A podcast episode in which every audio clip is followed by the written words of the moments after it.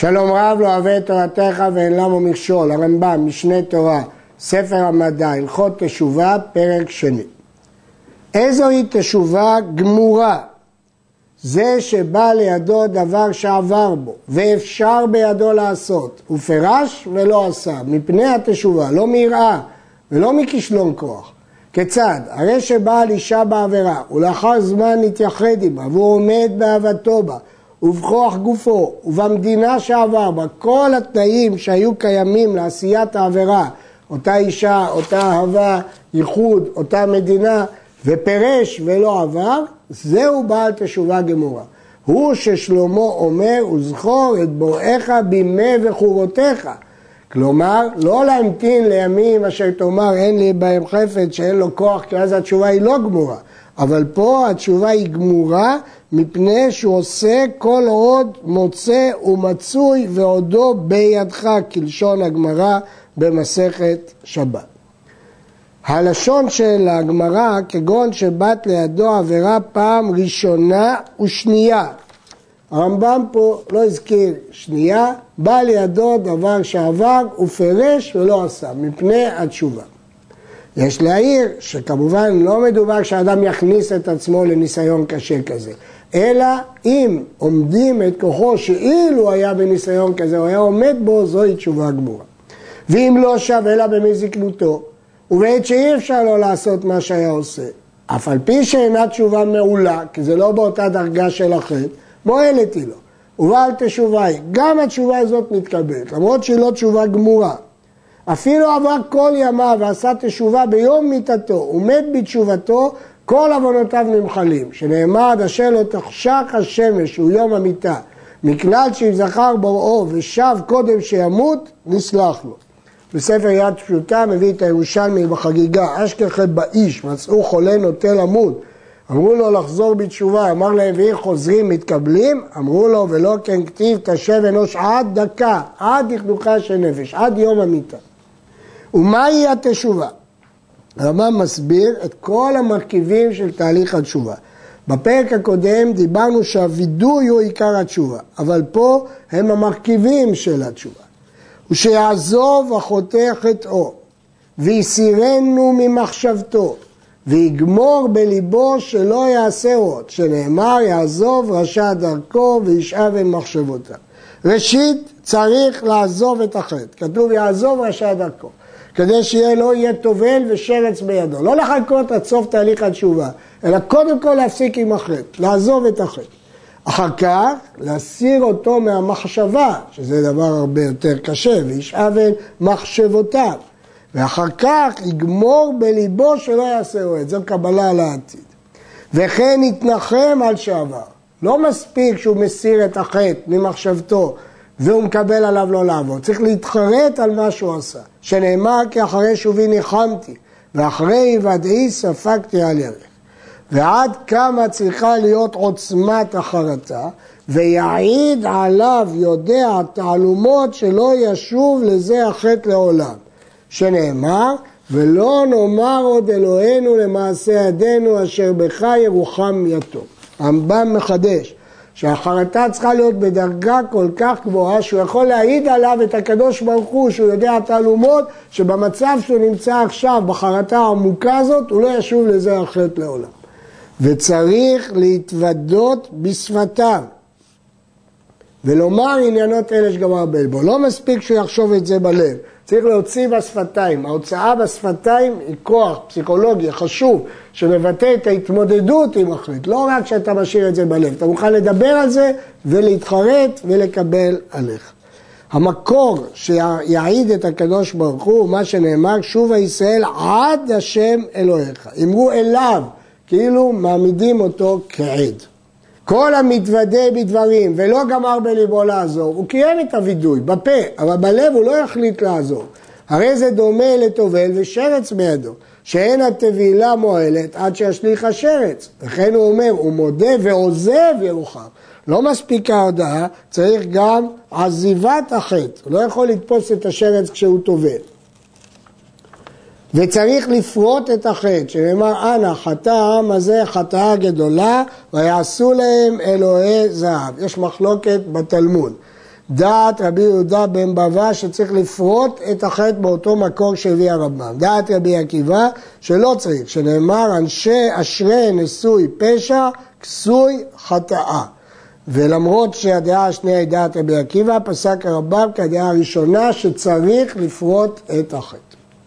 מדרכי התשובה, להיות השב צועק תמיד לפני השם בבכי ובתחנונים. ועושה צדקה כפי כוחו, ומתרחק הרבה מן הדבר שחטא בו.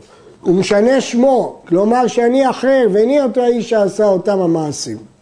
הוא משנה מעשיו כולם לטובה ולדרך ישרה, וגולה ממקומו, שגלות מכפרת עוון, ושגורמת לו להיכנע ולהיות עניו ושפל רוח. הרמב"ם מדבר פה על ההנהגות, הדרכים של דרכי התשובה. זה לא חלק מהגדרת התשובה שטיפלנו עליה קודם, הם דרכי השווא. הגמרא בראש השנה אומרת, אמר רבי יצחק ארבעה דברים מקרעים גזר דינו של אדם. צדקה, צעקה, שינוי השם ושינוי מעשה, ויש אומרים אף שינוי מקום. הרמב"ם מסביר את כל זה מסברה.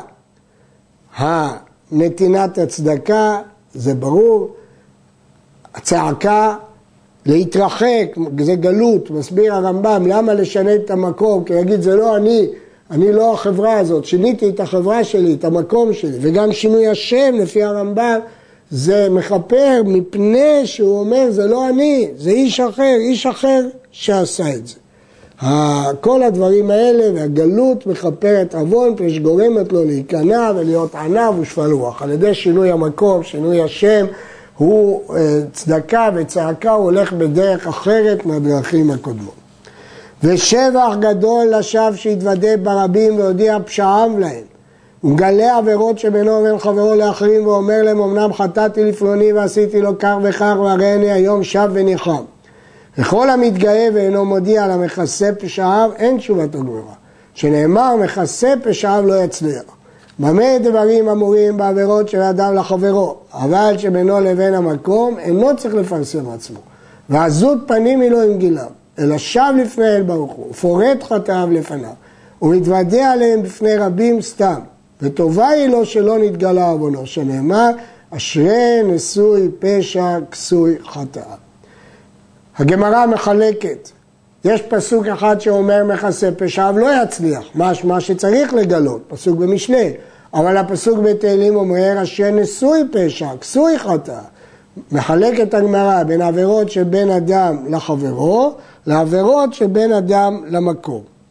עבירות שבין אדם לחברו צריך לגלות. עבירות שבין אדם למקום לא צריך לפרסם עצמו. תירוץ אחר בגמרא בין חטא מפורסם לחטא שלא מפורסם. הרמב"ם רומז לזה, שאם זה לא מפורסם אינו צריך לפרסם עצמו. אף על פי שהתשובה והצעקה יפה לעולם, בכל תאריך. בעשרת הימים שבין ראש השנה ויום הכיפורים היא יפה ביותר, ומיד היא מתקבלת, שנאמר דרשו השם בהימצאו קראו בהיותו קרוב, במה דברים אמורים? ביחיד, אבל בציבור כל זמן שעושים תשובה וצועקים בלב שלם הם נענים שנאמר כהשם אלוהינו בכל קוראינו אליו. כתוב בגמרא בראש השנה יפה צעקה לאדם מקודם גזר דין בין אחר גזר דין. תמיד היא יפה הצעקה, אבל בעשרת ימים שבין ראש השנה וכיפורים היא יפה ביותר כי כתוב דרשו השם בהימצאו. אבל זה ביחיד. בציבור נאמר כהשם אלוהינו בכל קוראינו מלבד. כך כותב הרמב"ם בהלכות תפילה. תפילת הציבור נשמעת תמיד, אפילו היו בהם חוטאים, אין הקדוש ברוך הוא מואס בתפילתם של רבים. יום הכיפורים הוא זמן תשובה לכל, ליחיד ולרבים, והוא קץ מחילה וסליחה לישראל. לפיכך חייבים כל הכל לעשות תשובה ולהתוודות ביום הכיפורים. ומצוות וידאו יום הכיפורים, שיתחיל מערב היום קודם שיאכל, במנחה, שמא יחנק בסעודה קודם שיתוודה. ואף על פי שהתוודה קודם שאכל, חוזר ומתוודה בליל הכיפורים ערבית, חוזר ומתוודה בשחרית, ובמוסף, ובמנחה, ובנעילה. היכן מתוודה? יחיד אחר תפילתו, ושליח ציבור באמצע תפילתו בברכה רביעית. הביטוי קץ מחילה וסליחה לקוח מנוסח הווידוי ביום הכיפורים, קץ מחילה לכל חטאינו. מפורש בתורה כי ביום הזה יכפר עליכם, יתאר אתכם מכל חטאותיכם, לפני השם תטהרו. משמע יש וידוי מיוחד ביום הכיפורים. הווידוי שנהגו בו כל ישראל, אבל חטאנו, הוא עיקר הווידוי. זה עיקר הווידוי, אבל חטאנו.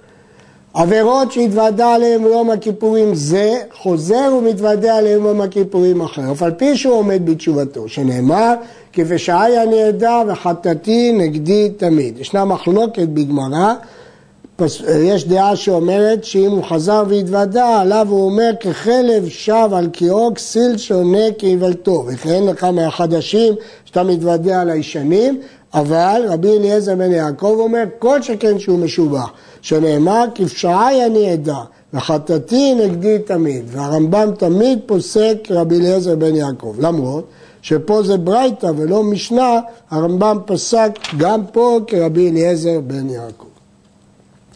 אין התשובה ולא יום הכיפורים מכפרים אלא עבירות של בן אדם למקום, כגון מי שאכל דבר אסור או בעל בעילה אסורה וכיוצא בהם. אבל עבירות שבין אדם לחברו, כגון חובל בחברו, או המקלל את חברו, גוזלו וכיוצא בהם, אינו נמחה לו לעולם עד שייתן לחברו מה שהוא חייב לו וירצהו. זאת משנה במסכת בבא קמא, שלא נמחה לו עד שהוא יחזיר וירצה. אף על פי שיחזיר לו ממון שהוא חייב לו. צריך לרצותו ולשאול ממנו שימחול לו. אפילו לא הקליט את חברו אלא בדברים. צריך לפייסו ולפגוע בו, להפציר בו, גם אם הוא פגע בו רק בדברים. זה בגמרא ביומא. אמר רבי יצחק, כל המקנית את חברו אפילו בדברים צריך לפייסו. זה בנוי על הפסוק בשמואל, אם יחלטה איש לאיש ופיללו, כלומר ירצה אותו. לא רצה חברו למחול לו, מביא שורה של שלושה בני אדם מרעיו, שלושה ידידים, ופוגעים בו, מפצירים בו.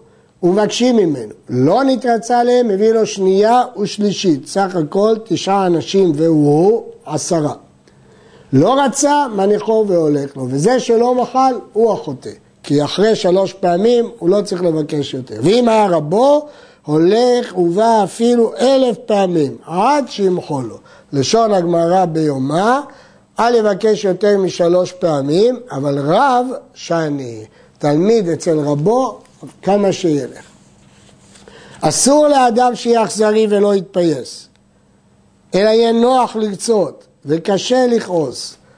הגמרא, המשנה בבא קמא אומרת, מניין שאם לא מחל לו שהוא אכזרי, שאמר ויתפלל אברהם אלוקים בעד אבימלך.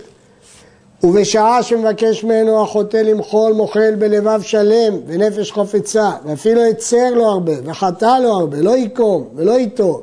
וזהו דרכם של זרע ישראל וליבם הנכון, אבל הגויים ערלי הלב אינם כן. על הגויים בירמיהו נאמר ערלי לב.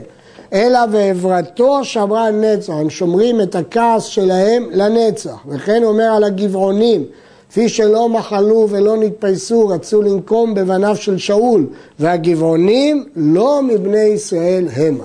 כי אם הם היו בבני ישראל, הם לא היו מתאכזרים עד כדי כך. החוטא לחברו, ומת חברו קודם שיבקש ממנו מחילה. מביא עשרה בני אדם ומעמידם על קברו, ואומר בפניהם, חטאתי להשם אלוהי ישראל ולפלוני זה שעשיתי לו כך וכך. ואם היה חייב לו ממון, יחזירו ליורשיו.